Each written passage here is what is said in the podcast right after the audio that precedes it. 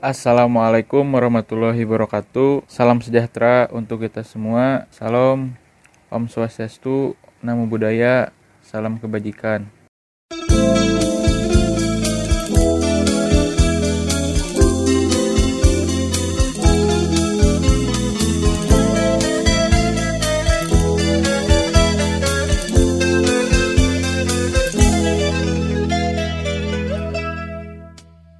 Lagi di podcast Jelajah Diskusi. Setelah dalam episode sebelumnya kita membahas tentang nikah muda secara luas dan secara umum. Dalam episode kali ini kita bakal membahas atau diskusi nikah muda ini secara lebih terperinci dan memangkas pikiran mungkin orang luar bahwasanya nikah muda itu tidak semudah yang mereka pikirkan atau tidak tidak seenak yang mereka bayangkan banyak jalan-jalan terjal untuk mencapai nikah muda. Setelah kembali lagi bersama kita pasangan idaman seluruh teman-teman di lingkungannya. Hasna. Halo, aduh berlebihan deh. Halo, apa kabar? agak berlebihan. Baik, baik, baik. Oke, sehat-sehat ya. Sehat dong, alhamdulillah. Ya Allah. Oke kita bahas lagi tentang nikah muda karena atensi kemarin lumayan baik dan iya, lumayan tinggi juga ya. tentang mm. iya iya dan oh, tapi apa ya apa FYI buat para pendengar sebenarnya kita itu udah take uh, beberapa hari setelah kita take podcast yang pertama.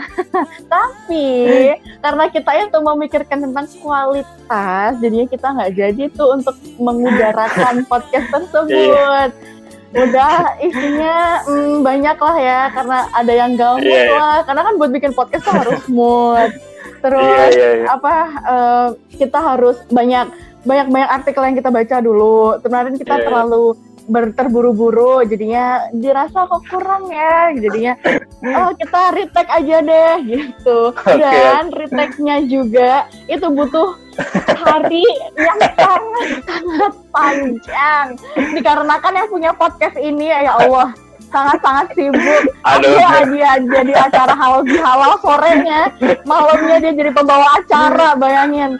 Aduh. Sibuk banget. Soalnya sibuk ini, sibuk untuk meluruskan mood gitu. Karena karena memang di tengah pandemi ini ada dua kemungkinan. Yang pertama ya kita bisa lebih uh, produktif, di sisi lain ya hmm. kalau memang orang seperti saya yang suka rebahan, suka mas-masan ya semakin hmm. enak aja buat rebahan gitu. Kayaknya kemungkinan yang kedua yang paling banyak dialami oleh para kita kita ya. Iya, kaum kaum rebahan. Mm -hmm. Iya, Tek. Eh, kemarin yang di episode yang pertama menikah muda bisa menang produktivitas karena memang kemarin uh, kesan dari teman-teman juga banyak yang positif juga bahwasanya kayaknya menarik juga kalau nikah muda itu produktif mm -hmm. karena kemudian paparan teteh tentang pengalaman setelah menikah banyak juga memang yang mengandung positif tapi teman-teman mm -hmm. mungkin dirasa banyak yang mengambilnya secara secara sempit dan secara enaknya saja gitu mm -hmm. Mungkin bisa teteh jelaskan di sini bahwasanya sebenarnya nikah muda itu tidak semudah dan tidak seenak yang orang luar pikirkan dan bayangkan. Banyak ya perjalanan terjal, jalan lika-liku, masalah yang sebenarnya tidak bisa diceritakan. Tapi di sini mungkin Tete bisa paparkan ya bahwasanya nikah muda itu tidak semudah itu uh, gitu.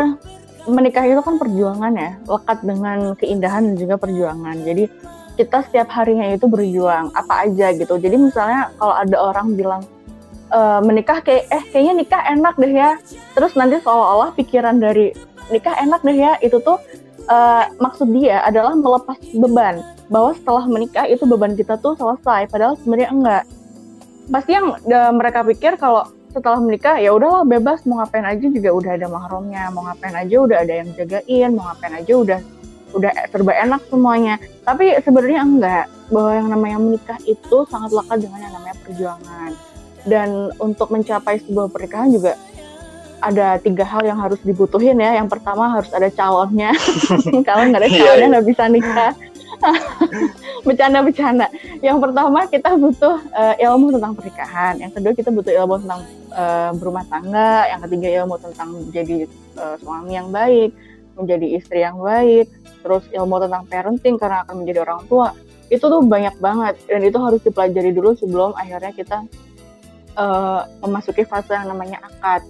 Itu harus dipelajari dulu karena kalau misalnya kalian udah belajar tentang lima ilmu itu tadi nanti pasti kalian mau nikah sekarang atau menganggap nikah itu enteng pasti kalian bakal mikir-mikir lagi. Karena memang tidak seenteng dan tidak segampang itu kayak contohnya kita kan punya orang tua ya. Hmm. orang tuanya sampai sekarang masih berantem loh. Kebayang nggak kalau misalnya uh, awal-awal pernikahan itu gimana? Yang mana kita harus adjust ya penyesuaian satu sama lain dulu ya kan? Orang tua kita kan udah bertahun-tahun lamanya mereka bareng bersama. Hmm. terus gimana dengan yang baru? Kayak aku sama bang Eki juga sampai sekarang masih penyesuaian juga kok. Karena kan keluar aslinya semua ya awal-awal tuh sampai sekarang tuh masih keluar aslinya dan aku harus menerima keaslian dari itu dan Bang Eki juga harus menerima versi asli dari diriku. Jadinya uh, pasti banyak cekcok lah di awal tuh dan itu harus dipertimbangkan jangan dipikir enaknya aja. Uh, harus bersiap yang terburuk lah ya. Jadi aku uh, belajar dari aku sebenarnya pelajaran dari yang yang aku bisa kasih sebelum nikah tuh aku mikirin yang buruk-buruknya terus. Kayak misalnya aduh gimana ya nanti kalau misalnya nikah apa nanti Eki bakal tetap, tetap sayang sama aku kayak sebelum waktu nikah atau nanti malah sayangnya memudar atau nanti dia bakal berubah ya apa segala macam itu aku pikirin buruk-buruknya. Kalaupun nanti waktu nikah ternyata nggak seburuk itu ya alhamdulillah gitu loh. Tapi kalau misalnya ternyata seburuk itu amit-amit ya aku udah ada uh, istilahnya udah ada backingan sendiri udah ada pegangan sendiri gitu. Oh ternyata harus kayak gini ada cara antisipasinya sendiri gitu. Kenapa sih kalian harus mikirin yang senang-senangnya terus? Padahal sebenarnya kita hidup sendiri juga nggak senang-senang amat kan? Ada ada suka dukanya juga gitu. Kenapa kalian nggak mikir yang suka dukanya itu kalau senang-senangnya nanti mau bisa ngikut. Kalau senang mah pasti lah suka dukanya itu yang kalian udah persiapin uh, secara mental apa belum. Itu sih. Oke tadi kan teteh memaparkan lima lima ilmu lah. Kita bicarakan mm -hmm. lima ilmu tentang pernikahan. Berarti yang harus paling kuat yaitu tentang mempersiapkan mental setelahnya gitu ya karena ya mm -hmm. kalau memang sebelumnya mungkin bisa kita lihat memang uh, adanya pendekatan dan lain-lain. Cuman kan tidak tahu gitu aslinya seperti apa. Berarti sisi mental yang harus disiapkan. Nah Tete sendiri dan yeah, mungkin betul. Bang Bang Eki hal yang paling penting yang harus disiapkan ya untuk konteks nikah muda itu hal yang paling penting harus disiapkan? Uh, dulu tuh kita secara sederhananya kita mikirnya gini, ketika saya terima nikahnya itu bukan sekedar saya terima nikahnya, tapi saya terima bawelnya, saya terima ya, ceweknya, yeah, yeah, saya yeah. terima malasnya. Itu yang kita pikirin dulu. Jadi uh, waktu kita nikah itu kita mikirnya pokoknya kita nanti harus realistis gitu loh apa pun yang akan terjadi ke depannya kita harus hadapin bareng-bareng nah kata-kata hadapin bareng-barengnya itu loh yang susah karena kan uh, kita tuh usia segini masih usia egonya kan tinggi uh -huh. banget ya. Uh -uh. Apalagi kalau misalnya pasangan kita lagi ada masalah, itu kita pasti mau bantuin ogah-ogahan gitu karena kan kita masih egonya tinggi banget. Ya udahlah biar dia urut selesaiin masalah sendiri gitu. Cuma kan ini nggak bisa, kita harus hadapinnya bareng-bareng. Nah itu sih sebenarnya yang kita pikirin banget, yang kita persiapin banget mental pada saat kita harus uh, menghadapi semuanya itu bersama apalagi kita sekarang nikah itu mulainya dari nol uh, mulai dari nol dalam artian nggak yang semuanya tinggal jadi karena kita bukan anak sultan gitu loh. Kita mulai semuanya dari nol dari benar-benar kita dari fresh start banget. Kita benar-benar mulai dari nol dan yang mana uh, ini butuh yang namanya kesabaran. Terus uh, perhatiannya lebih juga terhadap pasangan gitu. Itu yang harus itu yang benar-benar kita pikirin banget waktu awal-awal kita uh, nyiapin buat nikah dan mental uh, sebagai gimana caranya aku percaya dengan Bang Eki bahwa dia bisa menjadi suami yang baik gitu loh. Dan Bang Eki juga bagaimana caranya biar dia bisa percaya sama aku bahwa aku bisa menjadi istri yang baik. Karena uh, sejatinya yang menjadikan kita itu seorang yang baik kita percaya diri adalah kepercayaan dari pasangan kita. Jadinya ya kita awal-awal mikirin nikah tuh buru-buru kita mikirin uh, nanti akadnya di hotel bintang 5, resepsinya di hotel bintang 7. Aduh, boro-boro deh jauh banget deh kita dari pikiran itu. Kita benar-benar mikirnya oke, okay, sekarang kita akan menghadapi fase yang lebih sulit, fase yang tidak akan pernah mudah. Kita akan menghadapi perjuangan yang amat panjang. Jadi kita harus realistis, kita harus persiapin semuanya, kita harus banyak-banyak belajar kita harus uh, apa punya banyak cara untuk mengantisipasi kalau misalnya nanti di depan ada masalah atau apa kita harus baik-baik belajar begitulah oke baik tapi kalau misal nih kita bicara tentang stereotip pernikahan muda ya di Indonesia gitu ya pengamatan saya secara objektif gitu ada dua perbedaan gitu antara stereotip pernikahan muda di masa lalu dan pernikahan muda di masa hmm. sekarang. Kalau saya pengamatan yeah. saya gini, yang pertama ketika di masa lalu memang pernikahan muda itu dalam tanda kutip memang sangat didukung gitu. Dalam artian didukung secara positif karena kalau kita bicara tentang usia wanita di 17 tahun pada zaman dulu itu memang sudah sangat dewasa. Karena nenek saya dari ibu pun kalau tidak salah menikah di saat usianya 17 tahun. Tapi sangat berbeda mm -hmm. sekali dengan kondisi pernikahan muda di zaman sekarang. Dia didukungnya dengan mungkin apa ya pengamatan saya di lingkungan sekitar dengan cara terpaksa gitu karena ya udahlah kamu daripada melanjutkan sekolah atau daripada kamu ya enggak enggak kamu mening menikah muda aja gitu buat buat ini, ini konteksnya buat buat buat apa buat si wanita karena kamu bisa membantu orang tua ya dalam tanda kutip mereka tuh disuruh menikah nikah muda tuh bukan karena ke kemauan mereka tapi karena paks dalam tanda kutip nih ya paksaan orang tua gitu. Nah itu bagaimana mm -hmm. teteh menanggapi kondisi seperti itu?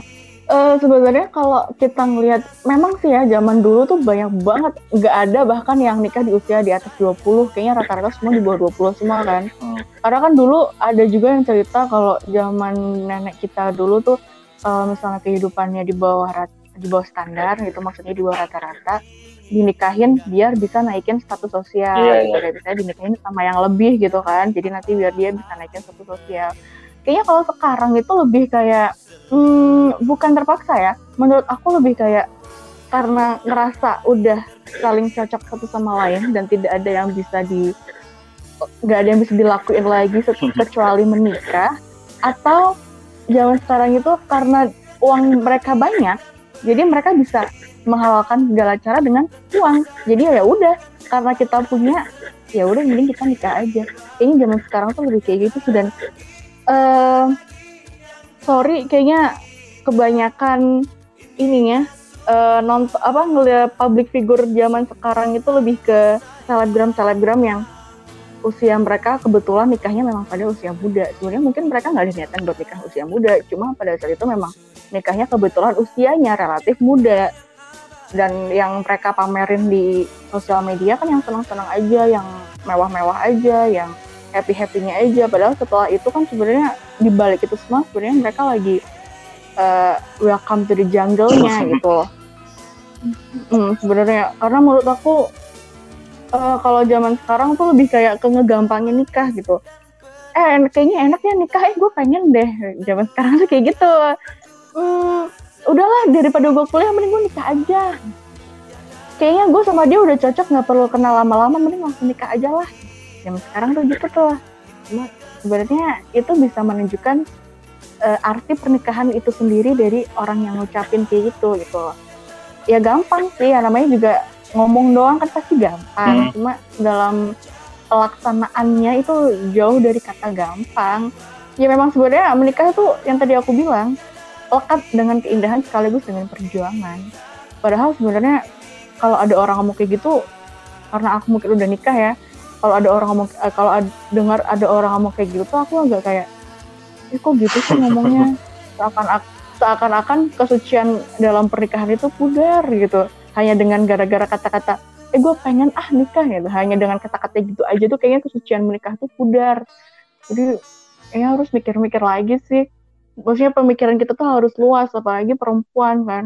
Hmm. sebenarnya kehidupan kita tuh sebenarnya kehidupan setelah menikah itu kan berhenti maksudnya kehidupan kita itu sebenarnya berhenti waktu pada saat menikah berhentinya karena uh, memang ada beberapa yang produktif karena aku sama Bang Eki juga masih produktif cuma ada beberapa yang enggak loh ada beberapa yang uh, kita masih merasa kalau ya juga ya hubungan kita sama teman-teman jadi jauh, hubungan kita sama teman-teman jadi nggak kayak tadinya lagi karena kan kita fokus sama pasangan kita masing-masing. Terus uh, hubungan kita jadi nggak sebebas kayak tadinya lagi yang semau gue, semau lo, nggak kayak tadinya lagi. Itu kan uh, banyak yang nggak mikir kayak gitu, banyak yang mikirnya tuh kayak enak-enaknya aja. Padahal sebenarnya aku sama Bang Eki juga kayaknya kehidupan kita waktu setelah menikah ini kok jadi jauh ya sama hubungan sama teman-teman yang lain gitu. Walaupun sebenarnya memang masih banyak uh, teman-teman yang kadang main ke rumah dan kita juga masih sering kongko bareng sama mereka. Cuma kayaknya kok nggak nggak kayak dulu lagi gitu loh karena kan udah aku pribadi udah ngerasa punya teman dan bang Eki juga udah ngerasa punya temannya sendiri aku maksudnya jadi ya gitu sih sebenarnya oke okay. uh, eh, sebenarnya ini sekarang aku pengen uh, mengaitkan antara nikah muda dengan uh, kondisi sosial ekonomi oke okay lah kalau misalnya uh, yang menikah muda ini dia berasal atau berlatar belakang keluarga yang mampu gitu yang yang memang berkecukupan hmm. gitu dalam artian mereka bisa bisa uh, berjalan gitu sih pernikahannya dengan ya dengan dengan baik lagi. Cuman uh, hmm.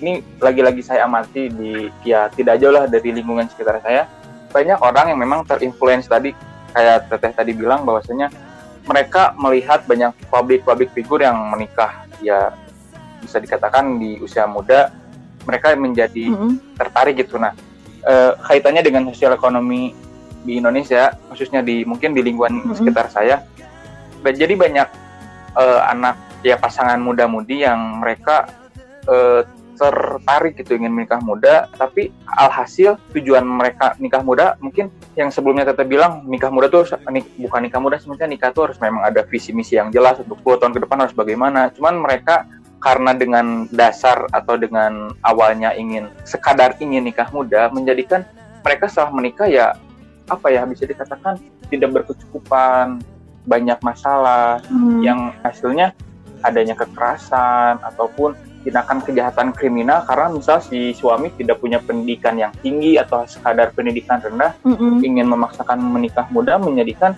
ya ketimpangan sosial terus berjalan itu kan pada kenyataan fakta empiris sekarang banyak terjadi seperti itu gitu. Nah dari teteh sendiri yang ya sudah menjalani gitu nikah muda baga bagaimana tanggapannya melihat situasi seperti itu? Kalau misalnya didasari oleh uh, keadaan itu berarti kan terpaksa ya ya udahlah karena keadaannya kayak gini jadinya ya udah nikah aja gitu. Menurut aku ya itu salah besar sih karena kan nggak ada persiapan sebelumnya. E, memandang sebuah pernikahan itu apa sih gitu maksudnya buat buat mereka yang namanya menikah tuh apa sih gitu. Mungkin mereka juga nggak bisa jawab tuh buat mereka para pelaku yang e, maksudnya para pelaku nikah muda yang akhirnya berakhir dengan kekerasan atau segala macam. Mungkin mereka juga nggak tahu value dari nikah sendiri itu apa. Jadinya ya begitu deh. Kalau menurut aku sih harus didasari sama ilmu dulu. Bener-bener semuanya tuh harus ada ilmunya gitu. Bener-bener harus ngerti banget ilmunya dulu.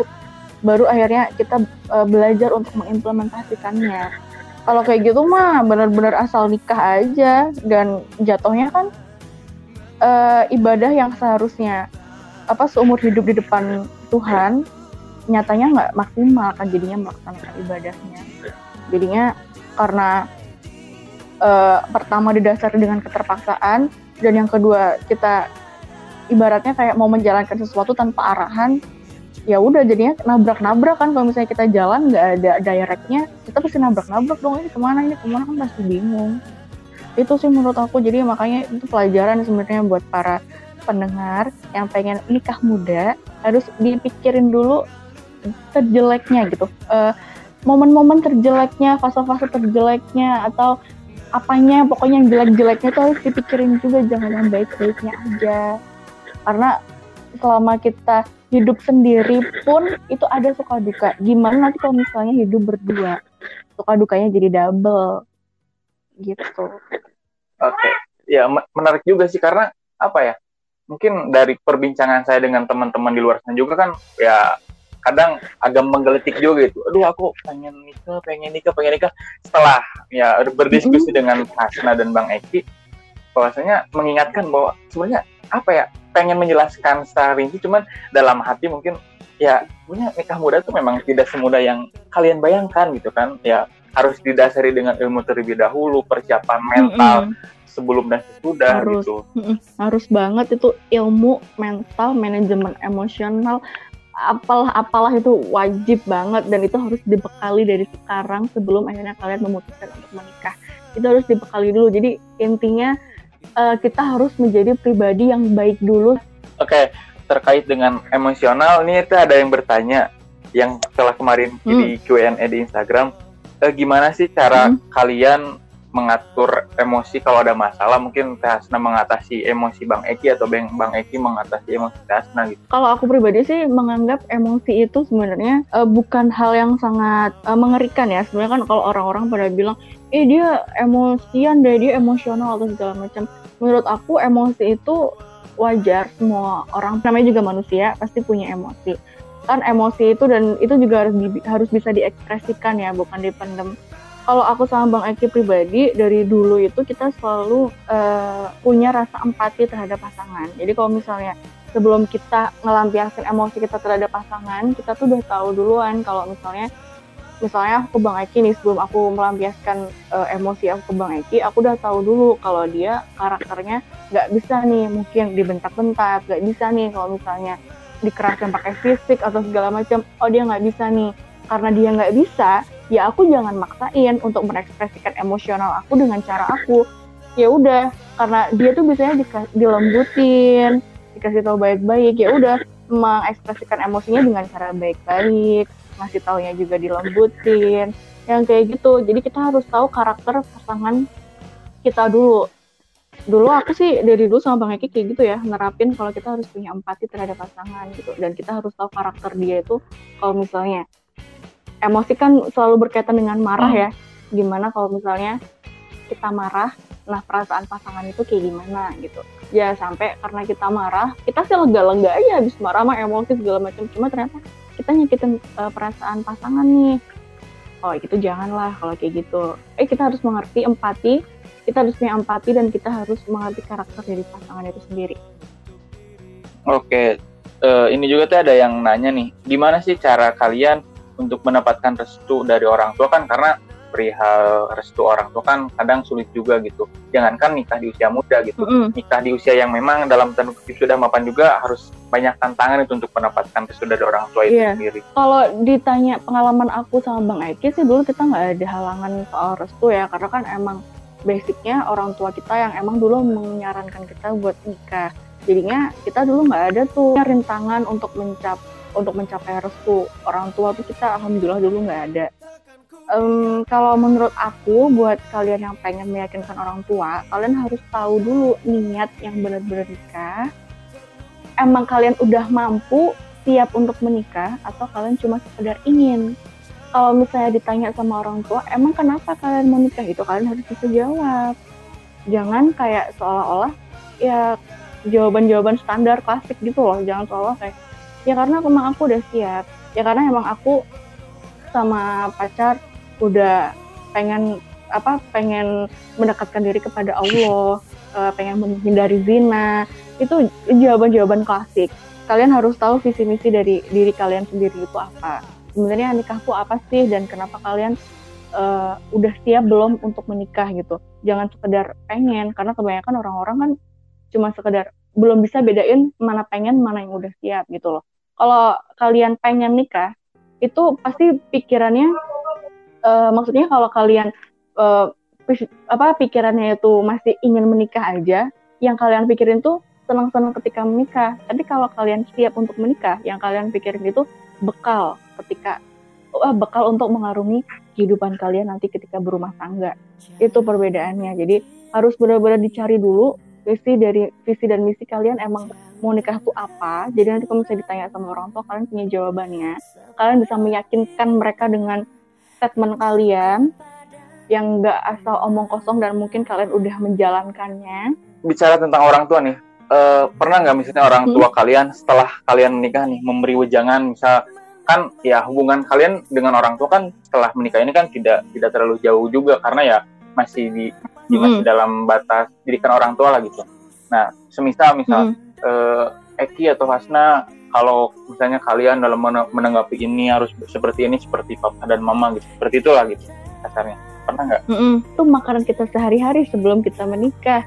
Hmm banyak banget jangannya nggak dari orang tua aja sih sebenarnya dari uh, saudara-saudara yang udah lumayan lama usia pernikahannya lebih dari 20 tahun, lebih dari 30 tahun, bahkan lebih dari 40 tahun itu ngasih wejangannya tuh banyak banget dan itu kayaknya sampai sekarang sih. Tapi maksudnya wejangan mereka kalau tadinya kalian kalau tadinya lebih kayak ke bagaimana cara kalian nanti menghadapi pasangan waktu ketika udah menikah. Tapi kalau sekarang lebih kayak yang akur ya uh, dipertahanin ya yang kayak gitu-gitu kalau sekarang. Kalau sebelumnya lebih kayak gimana kalau kalian nanti ngadepin dulu tuh aku gini uh, mama tuh dulu ngasih taunya nanti kamu kalau ngadepin suami kamu harus kayak gini kamu lihat deh mama mama tuh tiap hari kayak gini loh sama papa gitu gitulah.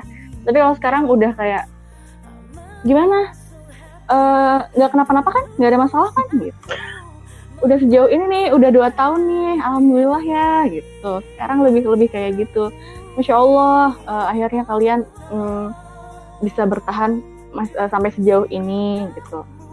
Dipertahani lagi ya masih kayak gitu aja kalau misalnya sekarang wajangan-wajangan sih tetap masih ada cuma orang tua uh, secara garis besar aja ngasih wajangan tapi nggak mencampuri urusan kita ya hmm. dalam rumah tangga dan soalnya kitanya juga nggak nggak minta kalau misalnya ada masalah kita nggak minta pendapat mereka sih kita berusaha buat cari jalan tengahnya sendiri. Baik teh, kesimpulan nih buat tentang konteks nikah muda ini ya khususnya buat orang-orang di luar sana yang pengen nikah muda dengan tujuan ya hmm. misalnya ya aku pengen nikah muda karena pengen punya anak pengen padahal misal kalau udah punya anak pun mereka belum becus gitu malah salah baru gitu terus mereka hmm. yang menikah muda karena ingin eksistensi di sosial media dan lain-lain menghapus masa depan mereka gitu loh e, tujuannya karena kalau aku melihat hasil dari Bang Eki memang e, kalian masih produktif gitu ya misalnya aku tahu lah e, kehidupan kalian sehari seperti hmm. apa nah simpulan hmm. buat teteh sendiri uh, pesan buat ya orang-orang di luar sana teman-teman kita pemuda-pemudi yang ingin menikah muda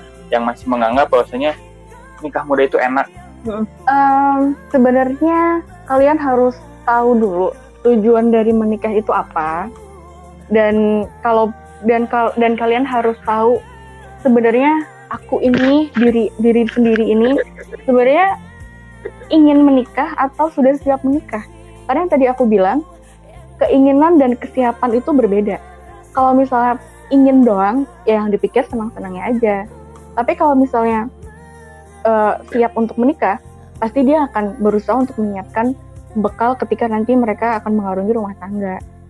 Nah, sebenarnya hmm, kalian harus menghapus jauh-jauh ya pikiran kayak, eh, udahlah gue mau nikah aja kayak seolah-olah menikah itu adalah pelepas beban. Padahal sebenarnya itu beban kalian bertambah karena sejatinya menikah itu kan menciptakan masalah baru. Nah, bagaimana kalian menghadapi masalah baru kalian yang sekarang ini? Apakah kalian udah ada bekalnya? Apakah kalian udah tahu solusinya? Apakah kalian udah siap untuk menghadapi masalah baru ini? Itu kalian harus paham sampai segitunya. Jangan yang uh, apa ya ibaratnya kayak gunung es kalian cuma lihat atasnya aja padahal sebenarnya kan bawahnya runcing banget, dalam banget padahal bawahnya. Nah, kalian tuh harus menyusuri gunung es itu sampai ke bawah-bawah. Oh ternyata sebegini dalamnya. Oh ternyata segini tebalnya nih gunung es. Kalian harus tahu itu. Dan wajar sih karena kalian kan belum apa namanya belum menghadapi kehidupan pernikahan yang sejat yang sebenarnya, yang sejatinya seperti apa. Jadi kalian pikirnya ya yang positif-positifnya aja, yang senang-senangnya aja. Padahal sebenarnya dalam hidup ya seperti kalian yang sekarang jalanin dalam kehidupan sendiri dalam kehidupan kalian yang masih sendiri ini masih banyak masalah juga, masih banyak rintangan juga gitu. Gimana? Dan itu maksudnya nggak memungkin nggak memungkinkan kalau misalnya kalian nanti menikah, masalah yang kalian hadapi ketika kalian sendiri itu hilang. Ketika kalian masih sendiri, itu nanti waktu kalian menikah harus masalahnya langsung hilang gitu. Nggak kayak gitu, malah justru masalahnya tuh nambah. Masalah kita sendiri dan masalah pasangan itu itu double gitu istilahnya kalau di game itu double kill kayak gitu. Nah jangan sampai kalian mikirnya maksudnya gini kalian harus uh, buang-buang jauh lah pikiran-pikiran yang kayak gitu. Karena kan pernikahan itu kan sesuatu hal yang suci ya. Jadi jangan uh, kayak ngegampangin gitulah istilahnya dengan kata-kata kalian yang kayak gitu. Seolah-olah pernikahan itu hal yang sangat mudah gampang atau apa. Ya memang sih mudah gampang. Cuma kan uh, tidak semudah dan tidak segampang itu pada saat kenyataannya, pada saat pelaksanaannya itu nggak segampang dan tidak semudah itu. Apalagi yang namanya menikah itu kan kompromi, kompromi pasangan, terus uh, konsekuensi itu harus didapatkan, ya kan? Itu harus belajar juga, harus dipahami juga. yang kayak gitu apalagi ya masih banyak sebenarnya wajangannya tapi kayaknya kita uh, skip aja ke part 3 biar pada penasaran oke oke oke berarti kesimpulannya apa ya bahwasanya ya menikah muda itu ya kita bicara konteks nikah muda itu tidak gampang tidak seindah dan tidak semudah dan tidak sewow yang ya orang-orang di luar mm-hmm. sana pikirkan dan bayangkan bahwasanya waduh nikah muda kayaknya enak nih kita bisa berduaan terus bisa ke sana ke sini terus mm -hmm. gitu kan No, no, no. Iya, karena maksud maksud saya pengen ada penegasan dari teteh takut takutnya nih setelah mereka semua mendengarkan di part satu, jadi banyak yang terstimulus nikah muda. Nanti, iya, ya, sebenarnya itu. nanti takutnya kok kamu pengen nikah muda karena kemarin misalnya dengerin podcast aja diskusi yang narasumbernya Teh dan Bang Eki, jadi aku kepengen nikah muda.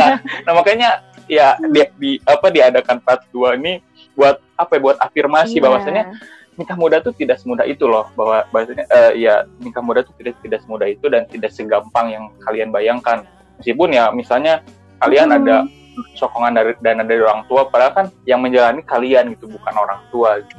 Mm -mm. Mm -mm. Soalnya hmm. waktu buka Q&A kemarin aja memang kebanyakan tuh bukan question and answer tapi lebih kayak uh, eh tips nikah muda dong teh kalau gitu eh gila enak banget ya ternyata kalau gitu kasih tahu dong caranya biar bisa nikah muda. Aku kan bingung ya jawabnya tips dan cara nikah muda itu maksudnya yang kayak gimana gitu loh. Hmm. akhirnya ada juga yang bilang, eh kok aku akhirnya makin mupeng ya buat nikah muda. Aduh aku sedih banget jujur dengarnya. Iya. Aduh sedih banget. Kenapa ya? Maksud aku tuh uh, kalian ini kok mikirnya kok nggak nggak jauh gitu. Maksudnya pemikiran kalian ini hanya sebatas disenang-senang aja. Ya wajar lah. Maksudnya usia kita gitu kan masih uh, masih berapi-api. Maksudnya isinya tiap hari yang kayak masih senang-senang belum mikirin masalah gitu loh. Padahal sebenarnya kalian itu kalau misalnya udah menikah itu menciptakan masalah baru loh. Dan jangan dipikir itu tuh sebagai pelepas beban. Aduh jauh deh dari itu. Jangan-jangan. Iya ya, maksudnya kenapa pengen diadakan part ini buat iya buat buat penegasan itu ya itu takutnya yang teteh takutkan juga gitu setelah ini banyak yang nikah muda mm -hmm. karena wah ternyata setelah mendengarkan penjelasan Rahasna di podcast belajar diskusi waduh kayaknya seru juga nih enak juga nih gitu kan mm -hmm. oke teh ada mungkin ada tambahan Enggak uh, ada sih nanti aja di part ketiga okay. aja jadi biar makin banyak yang penasaran Oke baik Tasna, terima kasih uh, sharing-sharing tentang penegasan bahwasanya nikah muda itu tidak mudah. Uh, hmm. Semoga sehat selalu. Salam juga buat Bang Rizky. Saya harap di part 3 bisa ikut bercampur tangan juga karena ya ada andil Bang Eki juga gitu secara tidak langsung. Oke? Okay? Iya harusnya. Iya, ya. iya. Hmm. Oke mungkin kalau memang atensinya nanti baik lagi sampai jumpa di part 3 di jelajah diskusi mari bicarakan.